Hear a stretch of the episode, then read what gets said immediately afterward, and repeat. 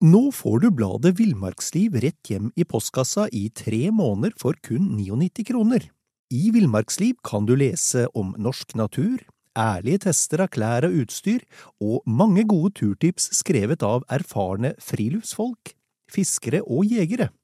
Send SMS VILL36 til 2205 og motta bladet allerede neste uke. Lev livet villere med bladet Villmarksliv.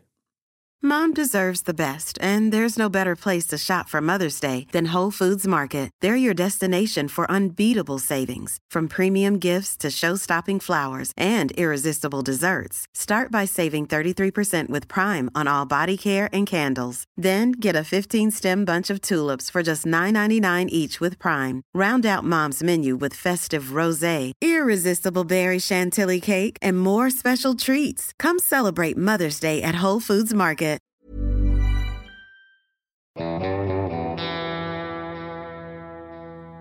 Velkommen til podkasten Villmarksliv.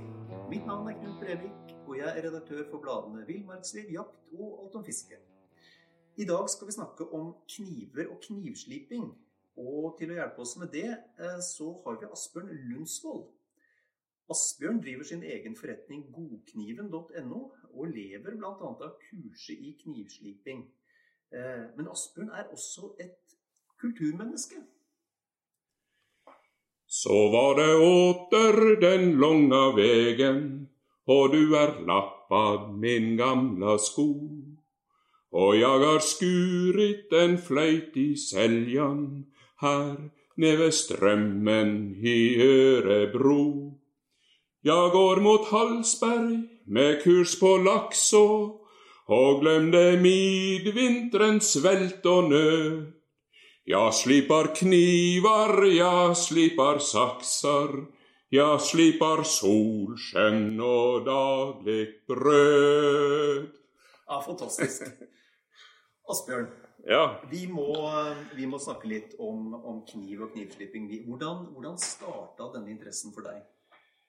ja det er nesten vanskelig å si, fordi at eh, det starta fra barnsben av, i og med at eh, jeg hadde en far som eh, var slakter, og i den tida så Det var viktig for en far at vi guttungene lærte oss et fag. Mm.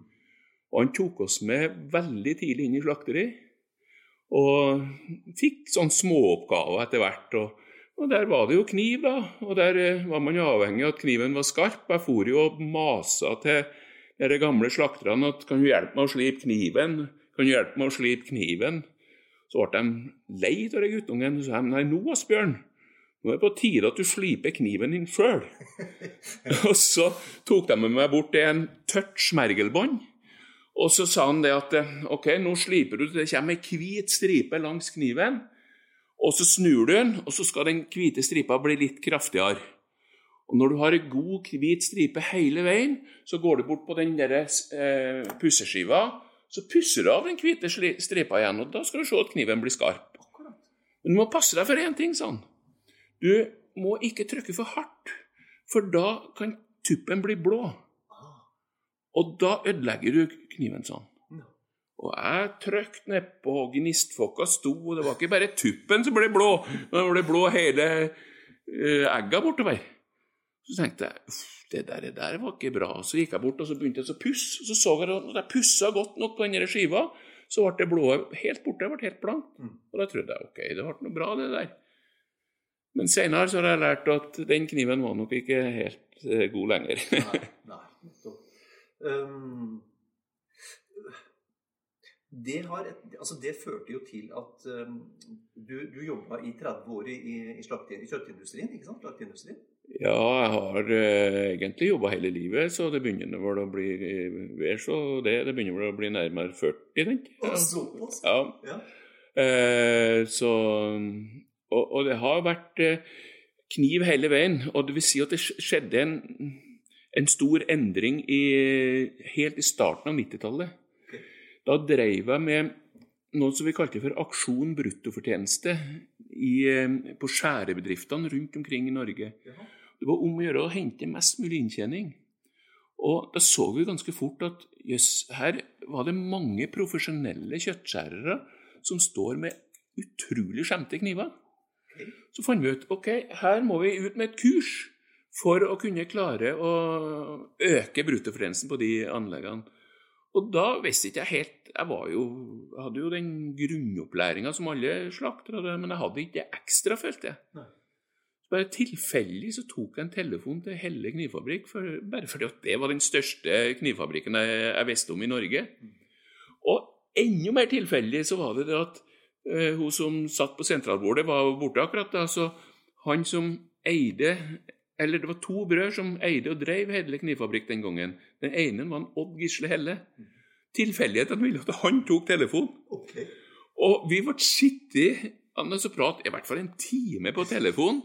Og ende på visa var at han inviterte meg over til Helle- fabrikker. Og jeg fikk ei uke der og fikk den grunnopplæringa.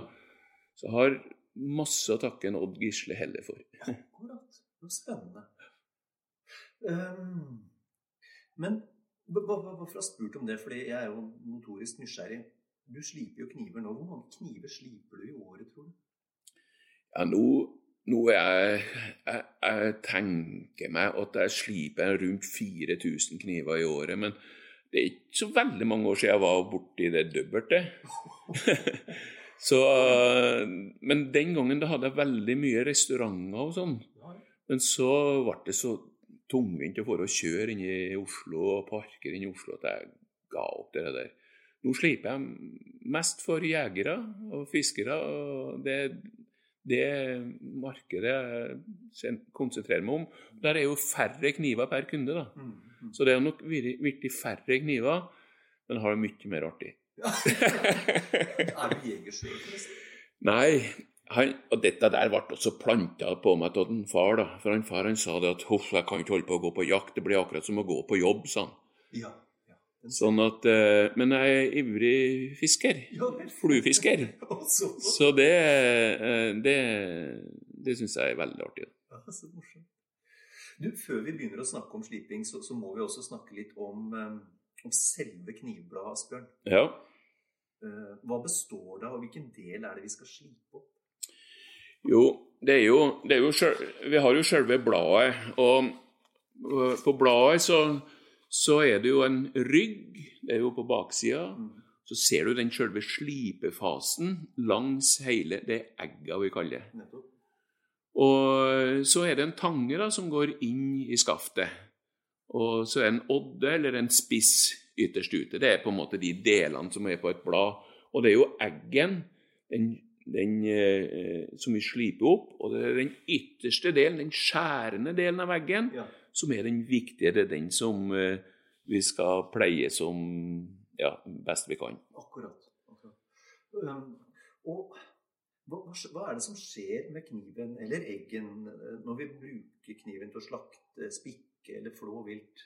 Ja, altså, ytterst ute i den skjærende delen av veggen, der snakker vi om et materiale som har en materialtykkelse på ca. 20 my.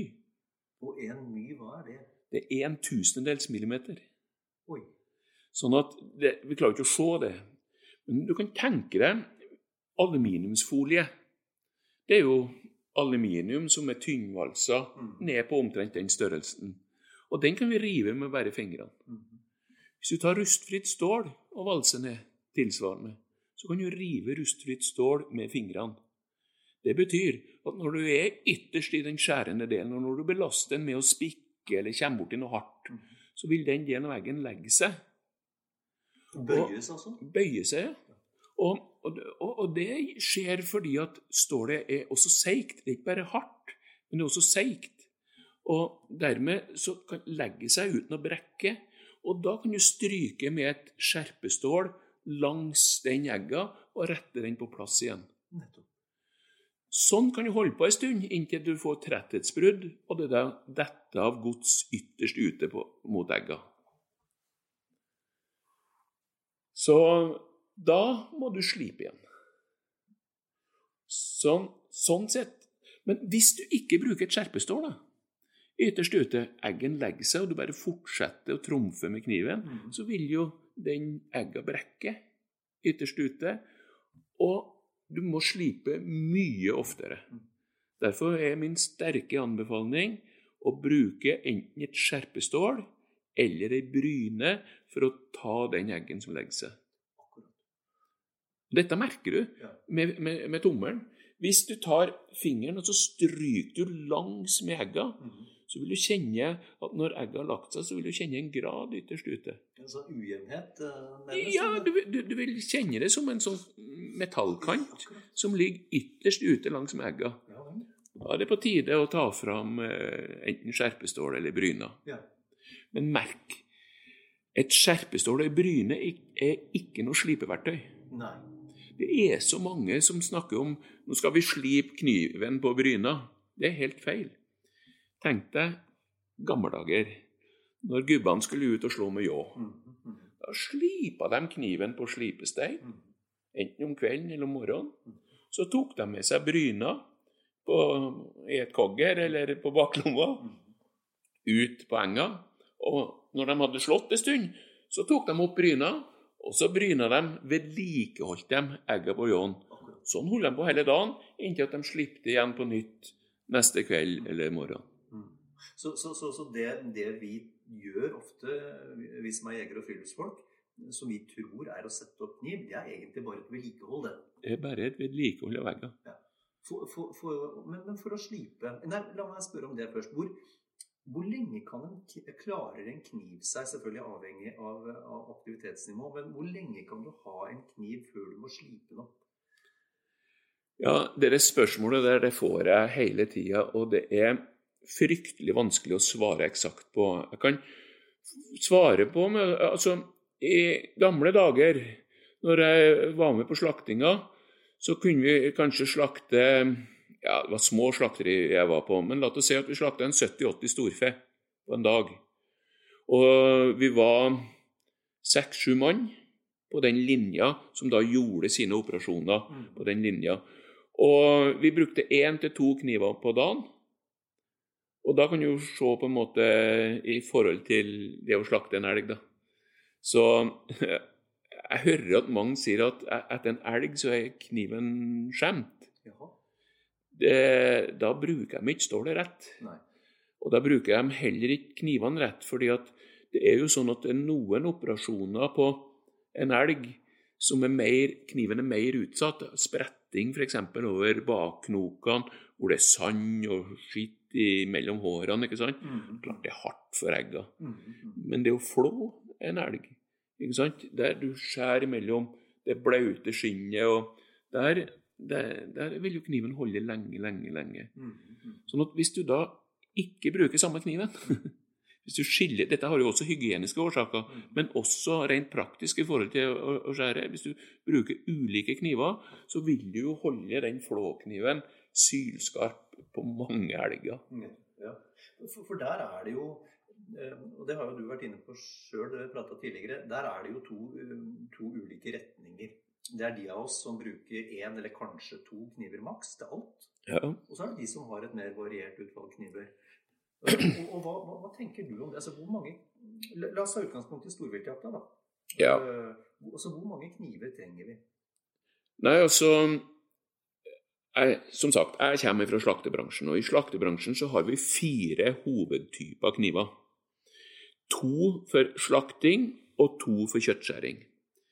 De to for slakting det er sprettekniven og det er flåkniven.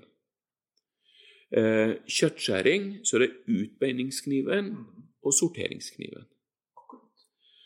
Sånn at hvis du er ute på fjellet, så i utgangspunktet skal du da følge den, eh, den profesjonelle slakterens eksempel, så trenger du to kniver. Ja, ja. Men så kommer det inn òg forhold videre, bl.a. hygiene. Mm. Det er mange som anbefaler å bruke en kniv på ureine operasjoner med litt annen farge på skaftet, for å skille en urein i forhold til en ren kniv. God idé. Ja, og da kan det jo være at du trenger noen flere kniver. ikke sant? Hvis du har rød kniv på urein og blå kniv på rein f.eks., mm. så kan du jo trenge en, en kniv ekstra. Mm. Men jeg er ikke tilhenger av det å komme slepende på en diger koffert uti. To-tre kniver, Ja. så er du godt hjelpen. Mhm. Og da tenker jeg, du, du, var jo inne på det sjøl, det her med, med å, å, skjære over bein og, og haser. Og, og, det blir Det er ofte litt jord og sand i, i skinnet. Og, og, det skjønner jeg at det, det utsetter en, en, egg for, for store belastninger. Men, men, hva er det sånn, sånn generelt, hva er det verste du kan utsette kniven for? Ja, det, det verste, det er varme. Det er varme, ja. Varme over 150 grader. Eh, og hvor får du det? Jo, det er først og fremst hvis at du sliper tørt. Friksjons, da utvikles det friksjonsvarme, og det er mange som sier at eh, ja, men og så tar de, kommer de med bladet sånn, så tar de på bladet ja, men den her er jo ikke varm. 150 grader, det klarer jo ikke jeg å holde i. Men det er ikke det som er poenget. Poenget er den skjærende delen av veggene, der det tyver mye. Der det, der det er så tynt godset som på en aluminiumsfolie. Og når du da begynner med et tørt smergel, så er det jo den delen av veggen som blir varm fortest. Og det er den delen av veggene som skal ha styrke nok til å tøle de sandkornene, til å tøle å gå gjennom de leddene osv. Så videre. sånn at derfor så er varme det verste du kan utsette en kniv for, mener jeg. Nå husker jeg Sist gang vi snakka sammen, nå er det en stund siden, da husker jeg du sa at du må aldri la noen slipe kniven din uten vannavkjøling. Akkurat. Og det har med dette å gjøre. Og det er så mange som trår feil, og det er så mye rart utstyr å finne på butikkene rundt omkring. Og det er fellesnevnet for mye av det, det er tørt. Det er tørre smergelbånd. Det er tørre diamantskiver. Og da går det gærent.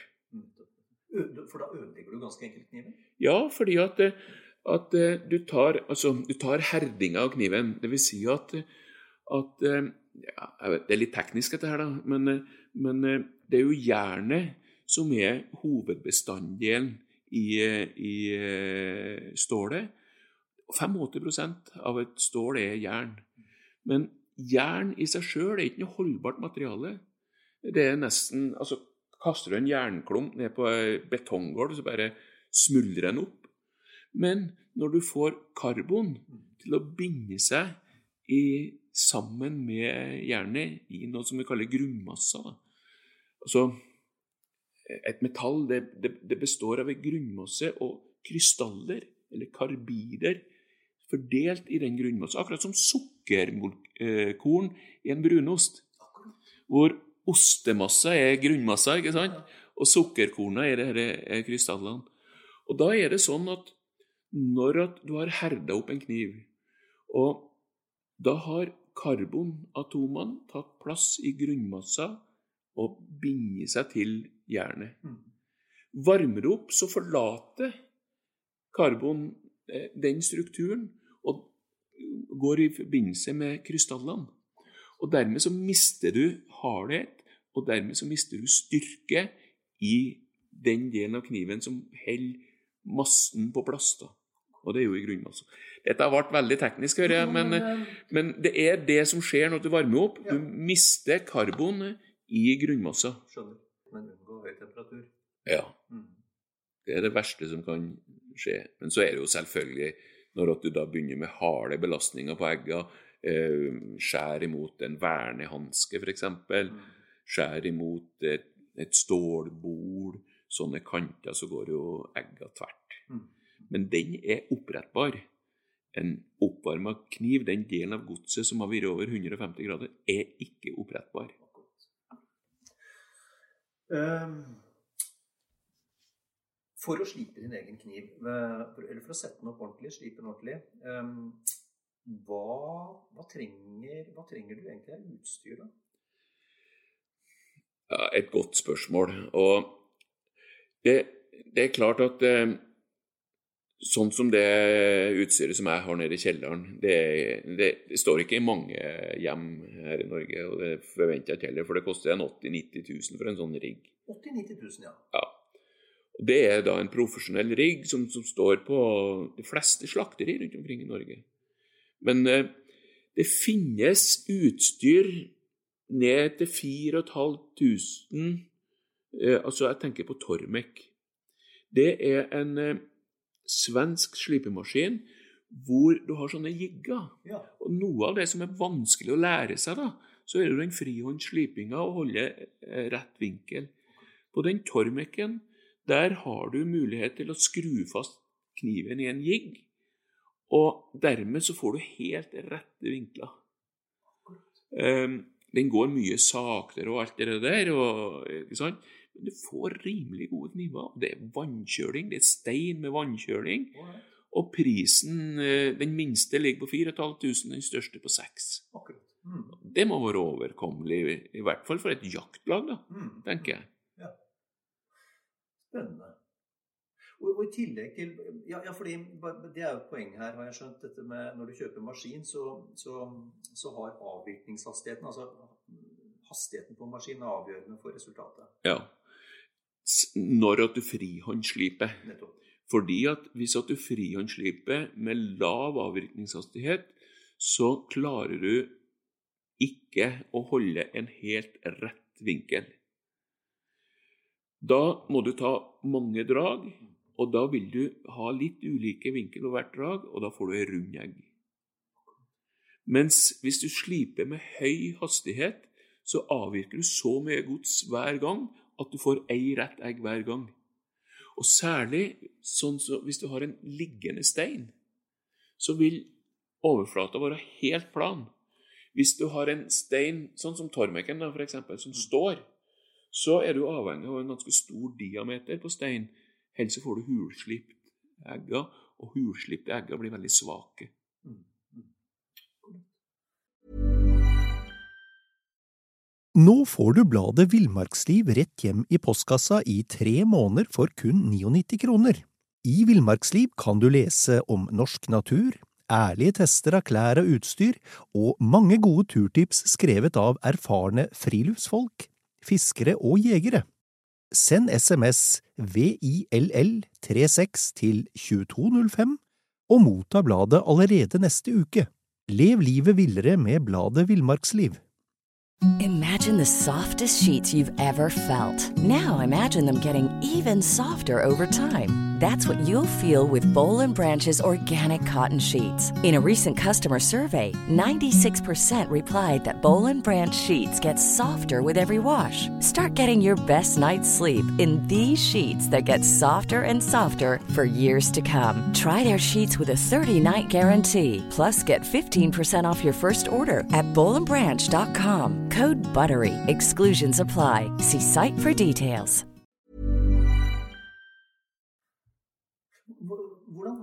Av at det her med eh, jegere og friluftsfolk og fiskere også for den saks skyld, forholdet forhold til kniv har utvikla seg? Altså, eh, ser du noe Ja, jeg, jeg ser jo at eh, etter hvert som vi blir rikere så i Norge, så kjøper vi mer eksklusive og flottere kniver. Det skjer, før så var jo morakniven den, eh, den eh, dominerende kniven, og, og slirekniven var de eh, dominerende knivene. Men det er veldig mye flotte design og sånn på knivene. Men jeg er jo ikke så forferdelig sikker på at det blir så veldig mye bedre knivresultat da, enn en sprettekniv, f.eks. Den koster vel en ja, 200 kroner. mm, mm. Og ja, jeg selger nå sjøl kniver til nesten 4000 kroner stykket. Mm. Sånn at det er jo Men eh, det er jo, det er jo da en, eh, en slirekniv med et helt spesielt slire som er vaskbart og sånne ting. Og en helt spesielt stål. altså Jeg tenker på fellkniven sin Professional Hunting Knife. Men uh, sjøl så når at jeg, jeg, jeg er jo ikke jeger, som sagt, men eh, når jeg slakter, da, så er jeg ikke i tvil om at jeg vil bruke en eh, ja, Friedrich Dick sine sprettekniver, flåkniver. Victor Knox har også gode kniver. Frost, som da er på Mora, Mm, mm. har kjempegode kniver. Så det er mange gode kniver som du får til et par-tre hundre kroner stykket. Men, men eh, noe sier meg når du, når du forteller nå at eh, ja, velstanden vår har økt, og vi har råd til å kjøpe dyrere kniver, men et eller annet forteller meg at uh, kunnskapen om å slipe kniv ikke har steget tilsvarende. Det er helt riktig. Det er ikke noe tvil om. Men derfor så Altså, før så hadde du jo skjærslipere da òg, men uh, du hadde jo slipestein på gårdene, du hadde kunnskapen gjennom ljå og, og Altså, ja, man Det var, var jo det, Man ordna opp sjøl. Mm. Men i dag så, så, Og det er jo jeg glad for, da. Det kommer jo mange til meg og, og sliper opp kniven før jakta. da. Ja. Og um, jeg prøver så godt jeg kan å lære dem å bruke skjerpestål. Jeg, jeg elsker jo når folk kommer hjem hit, ja, ja. ikke sant? Og vi kan stå nede på verkstedet, og vi kan på en måte eh, ja, snakke om kniven og kan forklare hvordan stålene skal brukes, og ikke minst hvilke overflater du skal ha på stålet. Ja. Fordi at altfor mange bruker for grove stål. Okay. Og når du bruker for grove stål, så setter du sliperiss i, eh, i egga. Og når du får sliperiss, så mister du skarphet. Jeg sitter med et papir her, ja. og hvis du kan tenke deg at du, når du sliper med slipekorn, så risser du i egga fra hver side. Og med et papir, da, når jeg bretter et papir sånn som dette her, så vil du få et inntrykk av hvordan egga i mikroskop vil se ut med slipp på et grovt diamantbryne, f.eks. Eller Og hvis du bruker et polerstål som er helt glatt, så vil du ikke sette sliperiss. Sett samme egga sett i et mikroskop vil se sånn ut. Da strekker jeg ut papiret. ikke sant? Ja. Og Det er jo ikke noe tvil om at et sånt egg vil møte mindre motstand enn et sånt egg. Og dette der er det veldig mange som ikke har skjønt når de kjøper altfor grove stål. Men, men fins det noen slags gradering av det stålet? som... Eh, ja, eh, men det, eh, på Bryna så har, har, du jo gritt, ikke sant? Mens på, på, et stål så er det mer fabrikkbetegnelser. Okay. Eh, fine cut, polerstål, safirkøtt Altså, og den ledende leverandøren på stål, i hvert fall profesjonelt, det er Friedrich Dick fra Tyskland. Mm. Eller Dickoron-stålet, som det også heter. Og de opererer med de her betegnelsene jeg ga nå. Ok, Så i den finere enden, i finere enden av skalaen skal vi? Ja, vi skal i den finere enden. Men det er én fare. Eller sånn som det er med alt, da. Det, det, det er én ting. Og det er det at når du er ytterst ute i den skjærende egget, så ligger det der da krystaller, ikke sant, eller karbider. Og de krystallene de gir skjærende effekt til egga. De kvasse kantene på krystallene. Et polerstål som er helt glatt, over tid så vil det runde de kantene. Okay. Og når det runder de kantene, så mister du skjærende effekt. Da må du bort på et litt grovere stål, altså en safirkutt, da, i, og da, da, vil du dra bort de slitte karbidene, sånn at det er plass til de friske karbidene som kommer unna. På den måten så kan du vedlikeholde kniven lenge, lenge, lenge. Og da sier du Jeg hører alle opp si Ja, men mener du at jeg skal gå med to stål? Nei, det er da man kjøper de her firkantstålene som har to polerflater og to safirflater. Det er firkantstål. Det er firkantstålet.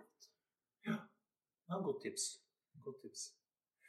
Du, du, har jo vært inne på det. Du sliper jo Folk kommer hit til å, å, å få slipt opp knivene sine. Hva koster det å slipe opp en, en kniv hos deg? Eh, jeg tar 100 kroner inklusive moms for ja. en eh, kniv med kort egg. Ja. Så tar jeg 130 for en kniv med lang egg. Og hva er det? Jo, en vanlig kjøkkenkniv da, den har den korte slipefasen. Mens en tollekniv den har den lange. Og jeg bruker i hvert fall tre ganger så lang tid å slipe en tollekniv i forhold til en eh, Så da skiller jeg, tar jeg 130 for den. Ja. du, bare sånn, Et sånt tips fra deg som, som, lever av kniv og skarpe kniver. Når, eh, når, kan man si at kniven er skarp nok? Altså Finnes det noe Finnes det et eller annet sånt husråd for hvordan du skal teste om kniven er skarp nok? Ja, absolutt. Den kjappeste og enkleste måten å kjenne på, er å legge kniven imot neglen. neggeren. Okay. Kjenner du at kniven henger på neggeren, ja. Du, du er veldig følsom der ute, ikke sant? Mm. Og du kjenner jo altså at du kjenner at det er bedt i en ordentlig skarp kniv på neglen. Glir kniven av på neglen, da er det på tide å slipe den.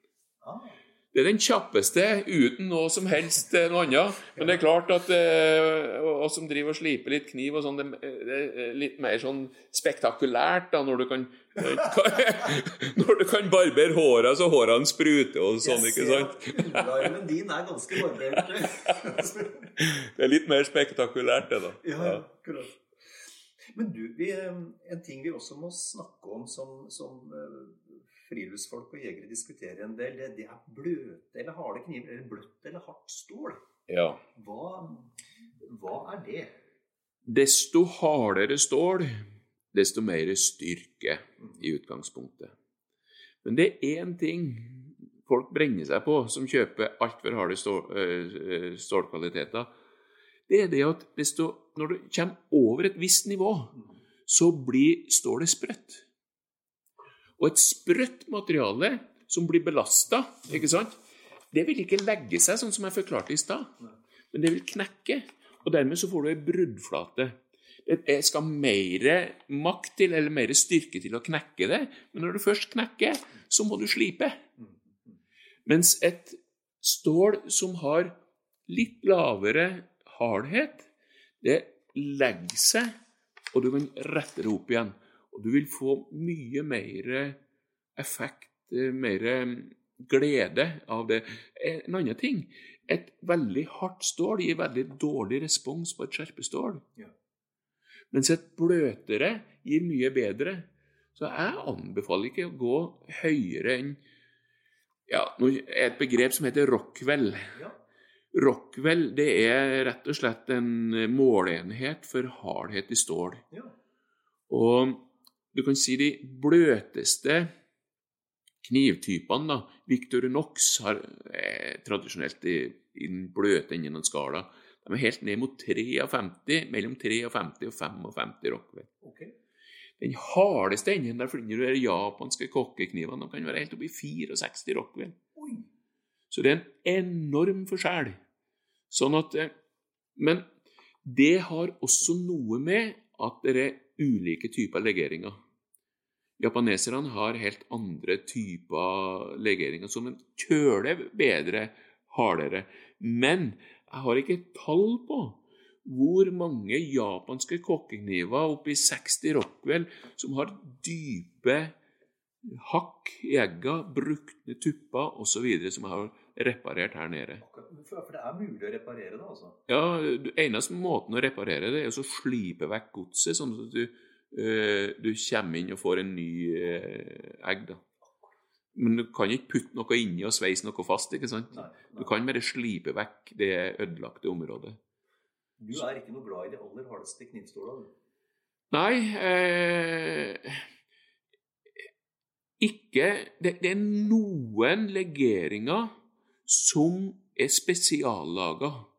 Vi snakker om eh, legeringer som inneholder en grunnstoff som heter niobium, annet. De metallene der de brukes i rakettmotorer og sånne ting for å tåle ekstreme belastninger.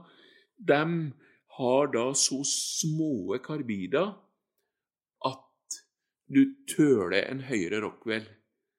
Men eh, i utgangspunktet så liker jeg best Og dette har jeg fått ifra Odd.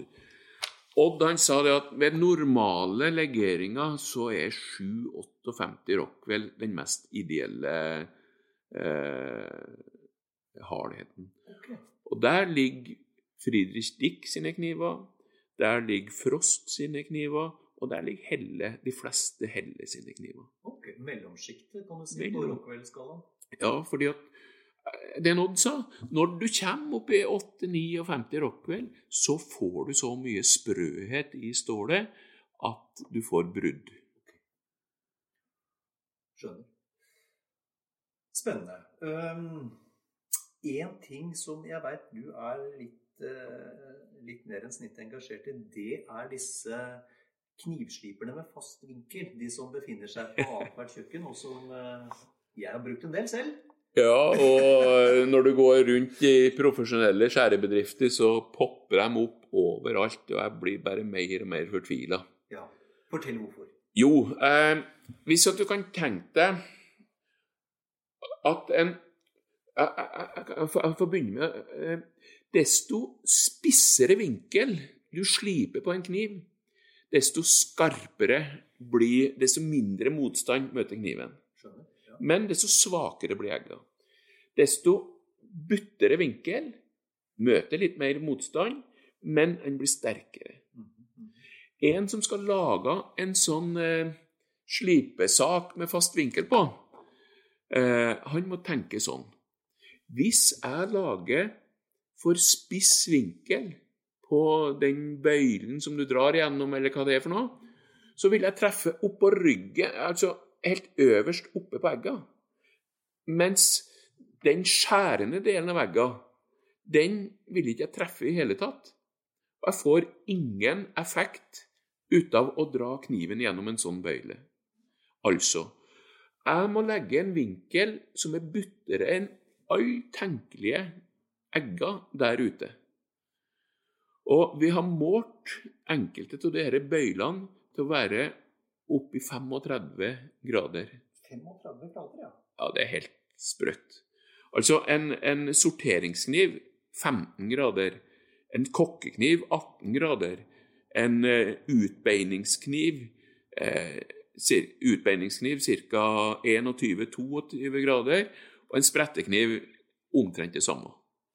Så kommer du da altså med de bøylene oppi 35 grader, og du slipper så butte egger.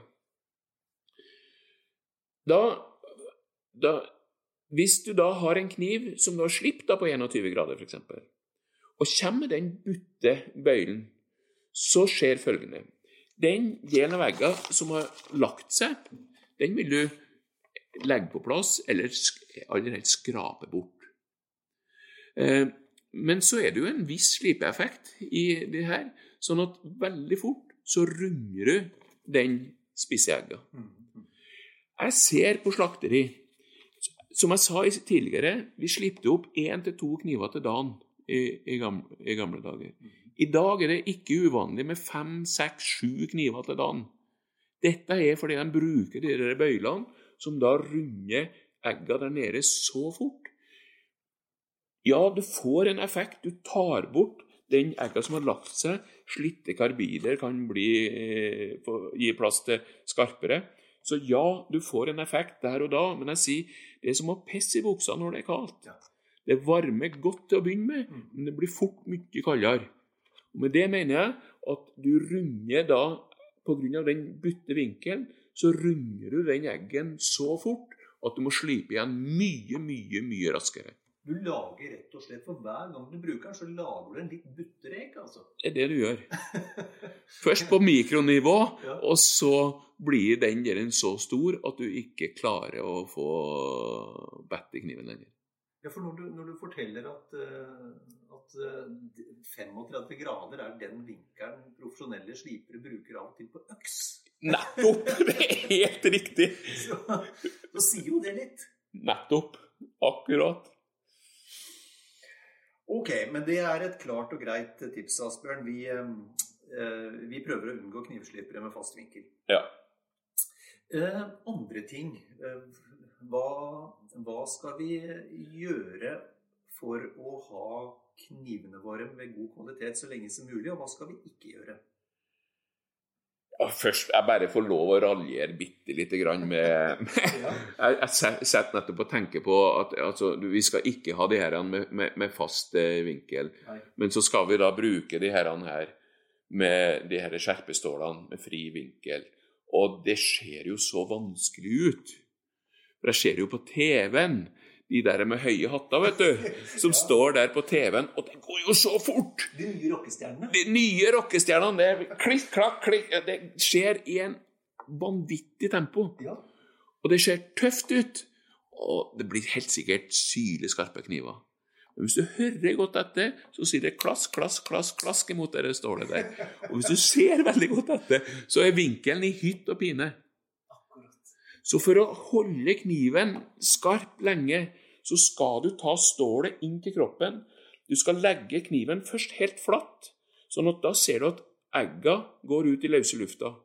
Så vrir du kniven innpå til at egga treffer akkurat stålet, okay. og så legger du på én grad. Nå, det var ikke mye.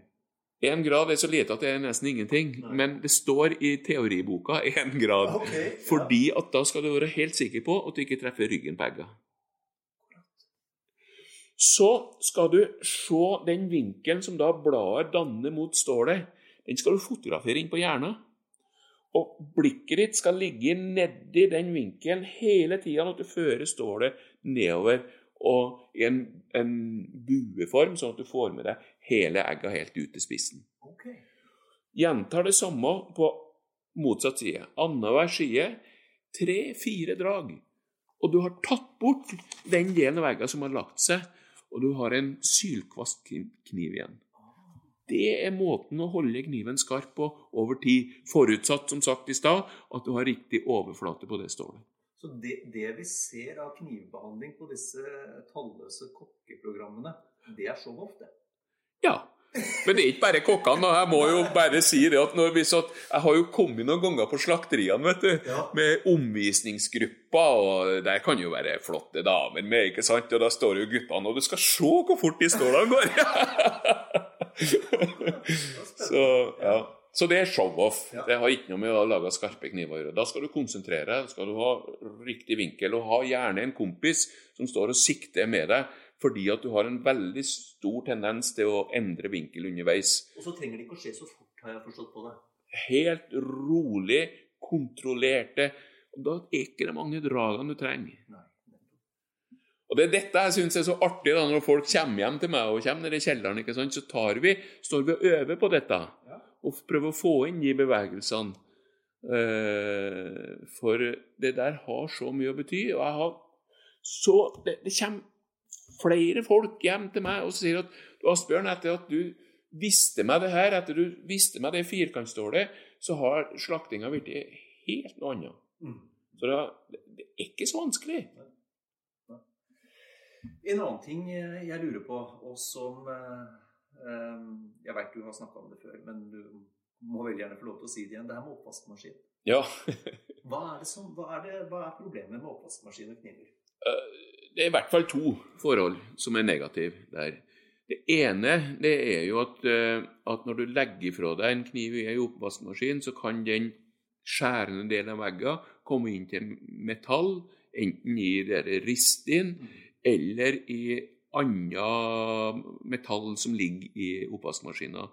Og med det høye spyletrykket som er i, i de maskinene, så vil de disse knivegga, den skjærende egga, bli kakkende inn på metall, og dermed så ødelegger du den skjærende egga. Det er det ene forholdet.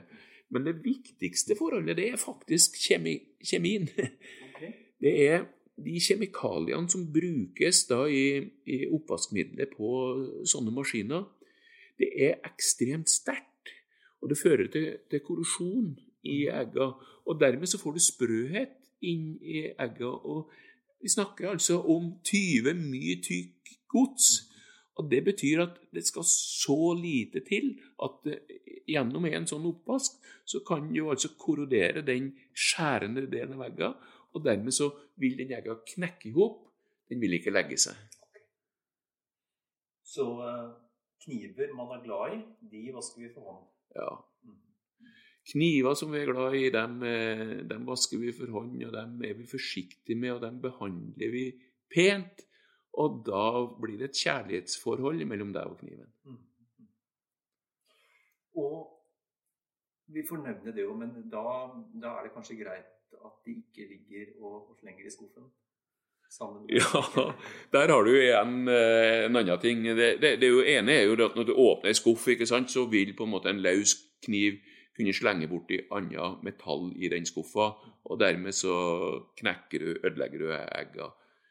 Det er jo det eh, helt åpenbare forholdet med å ha kniv løs i en skuff. Men det andre er jo det at eh, kommer det ei barnehånd i den eh, skuffa, da, så kan den bli ganske rød. Mm.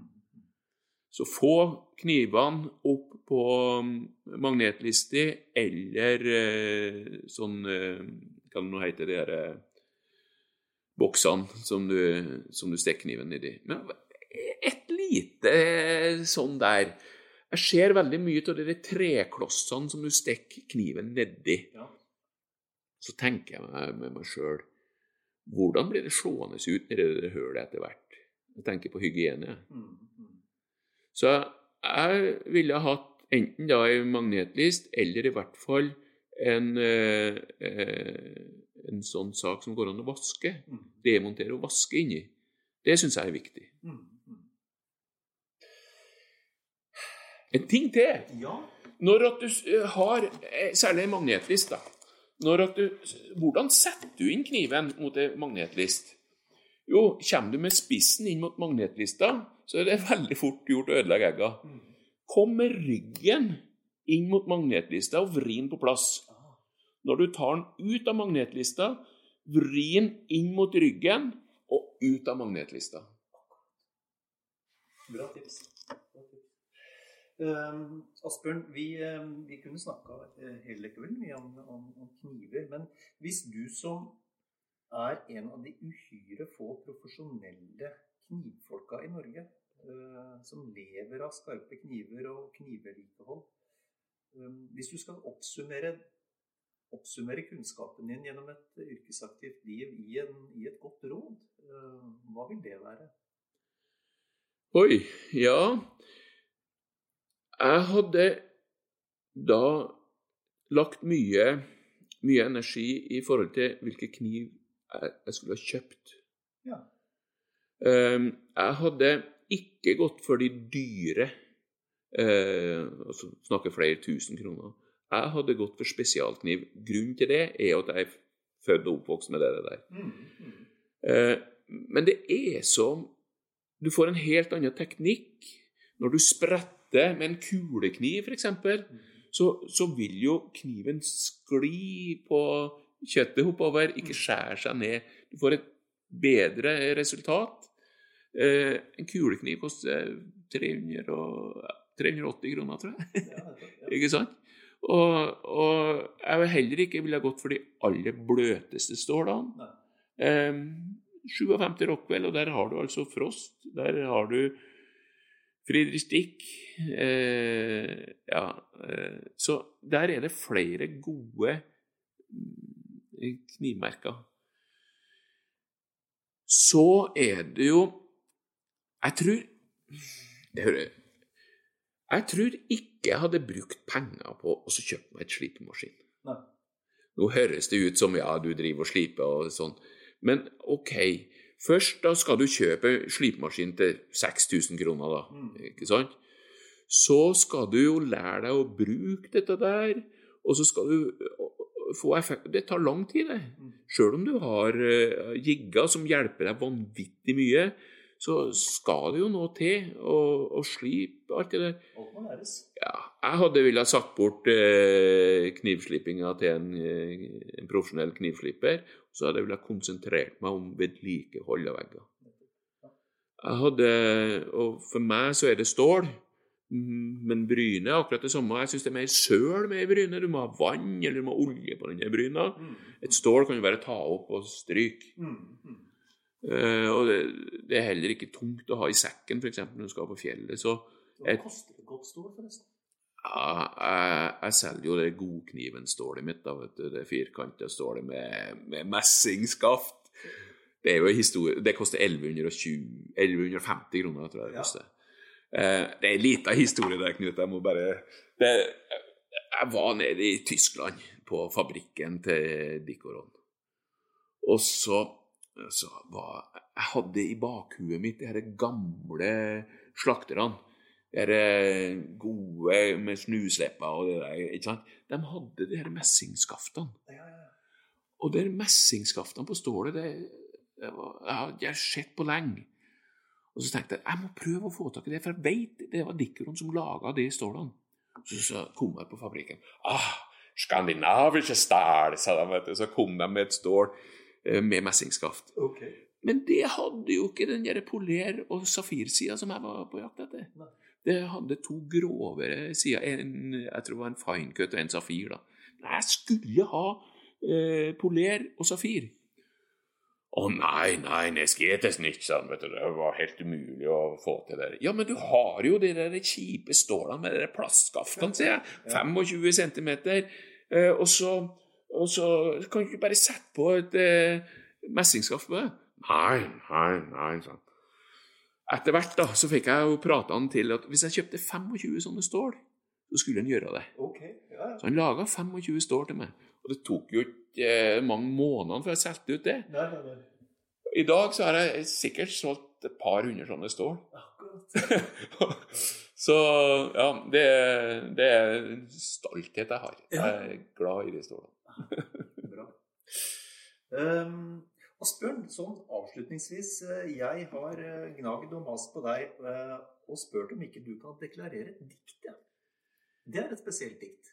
Ja, det, det er et dikt ut av Du tenker på et dikt som heter 'Tollekniven' av en Jakob. Jakob Sande. Fantastisk dikt. Og det er et dikt som jeg har hatt mye glede av. Blant annet så var jeg på Mora, på, um, på fabrikken der for noen år siden, og las opp det diktet til disse Brask-gutta som den gangen Andersson Per Brask, som den gangen drev eh, Frosk knivfabrikk. da. Ja. Um, så Men ellers så er det jo Hans Børli som er min store, store, store forbilde når det gjelder dikt. Men her kommer en Jakob Sande, Tollekniven. Jeg er ikke redd noen mann her på jorda, og støtt går jeg trygg for mitt liv. Jeg bygger min makt på en kniv ifra mora, et vådleg beist av en kniv. Skinan er blank bak på buksa med hengan.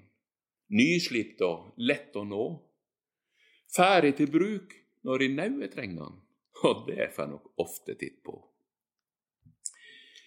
Jeg minnes minnes en gang jeg kom ut for en tater, en halvfull og brautende lurk, som oste av øl som et rykende krater og bante og svor som en turk. Han trei meg i strupen og skalla og klora, til stevene grepet seig. Straks jeg slapp på han med kniven fra mora, var tateren mjuk som en deig. Slik gikk det presten vår òg her om dagen. Han tok meg i kristelig tykt. Med augo som sylar, han trei meg i kragen og ville med synda få bukt.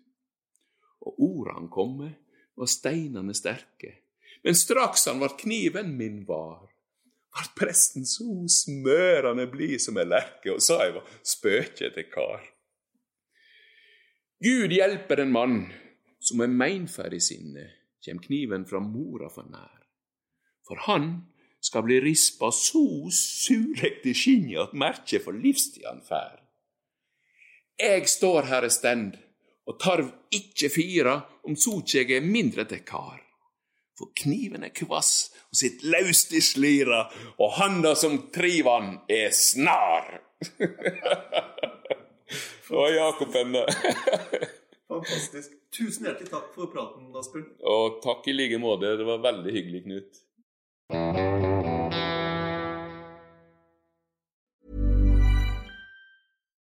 Nå får du bladet Villmarksliv rett hjem i postkassa i tre måneder for kun 99 kroner.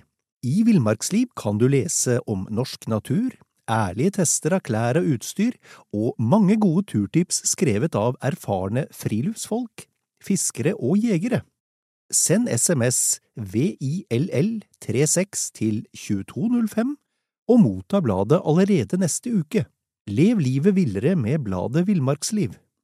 Hi, I'm Daniel, founder of Pretty Litter. Did you know cats tend to hide symptoms of sickness and pain? I learned this the hard way after losing my cat, Gingy. So I created Pretty Litter, a health monitoring litter that helps detect early signs of illness by changing colors, saving you money and potentially your cat's life. Pretty Litter is veterinarian developed, and it's the easiest way to keep tabs on your fur baby's health right at home. Go to prettylitter.com and use code ACAST for 20% off your first order and a free cat toy. Terms and conditions apply. See site for details. Mom deserves the best, and there's no better place to shop for Mother's Day than Whole Foods Market. They're your destination for unbeatable savings, from premium gifts to show-stopping flowers and irresistible desserts. Start by saving 33% with Prime on all body care and candles. Then get a 15-stem bunch of tulips for just $9.99 each with Prime. Round out Mom's menu with festive rosé, irresistible berry chantilly cake, and more special treats. Come celebrate Mother's Day at Whole Foods Market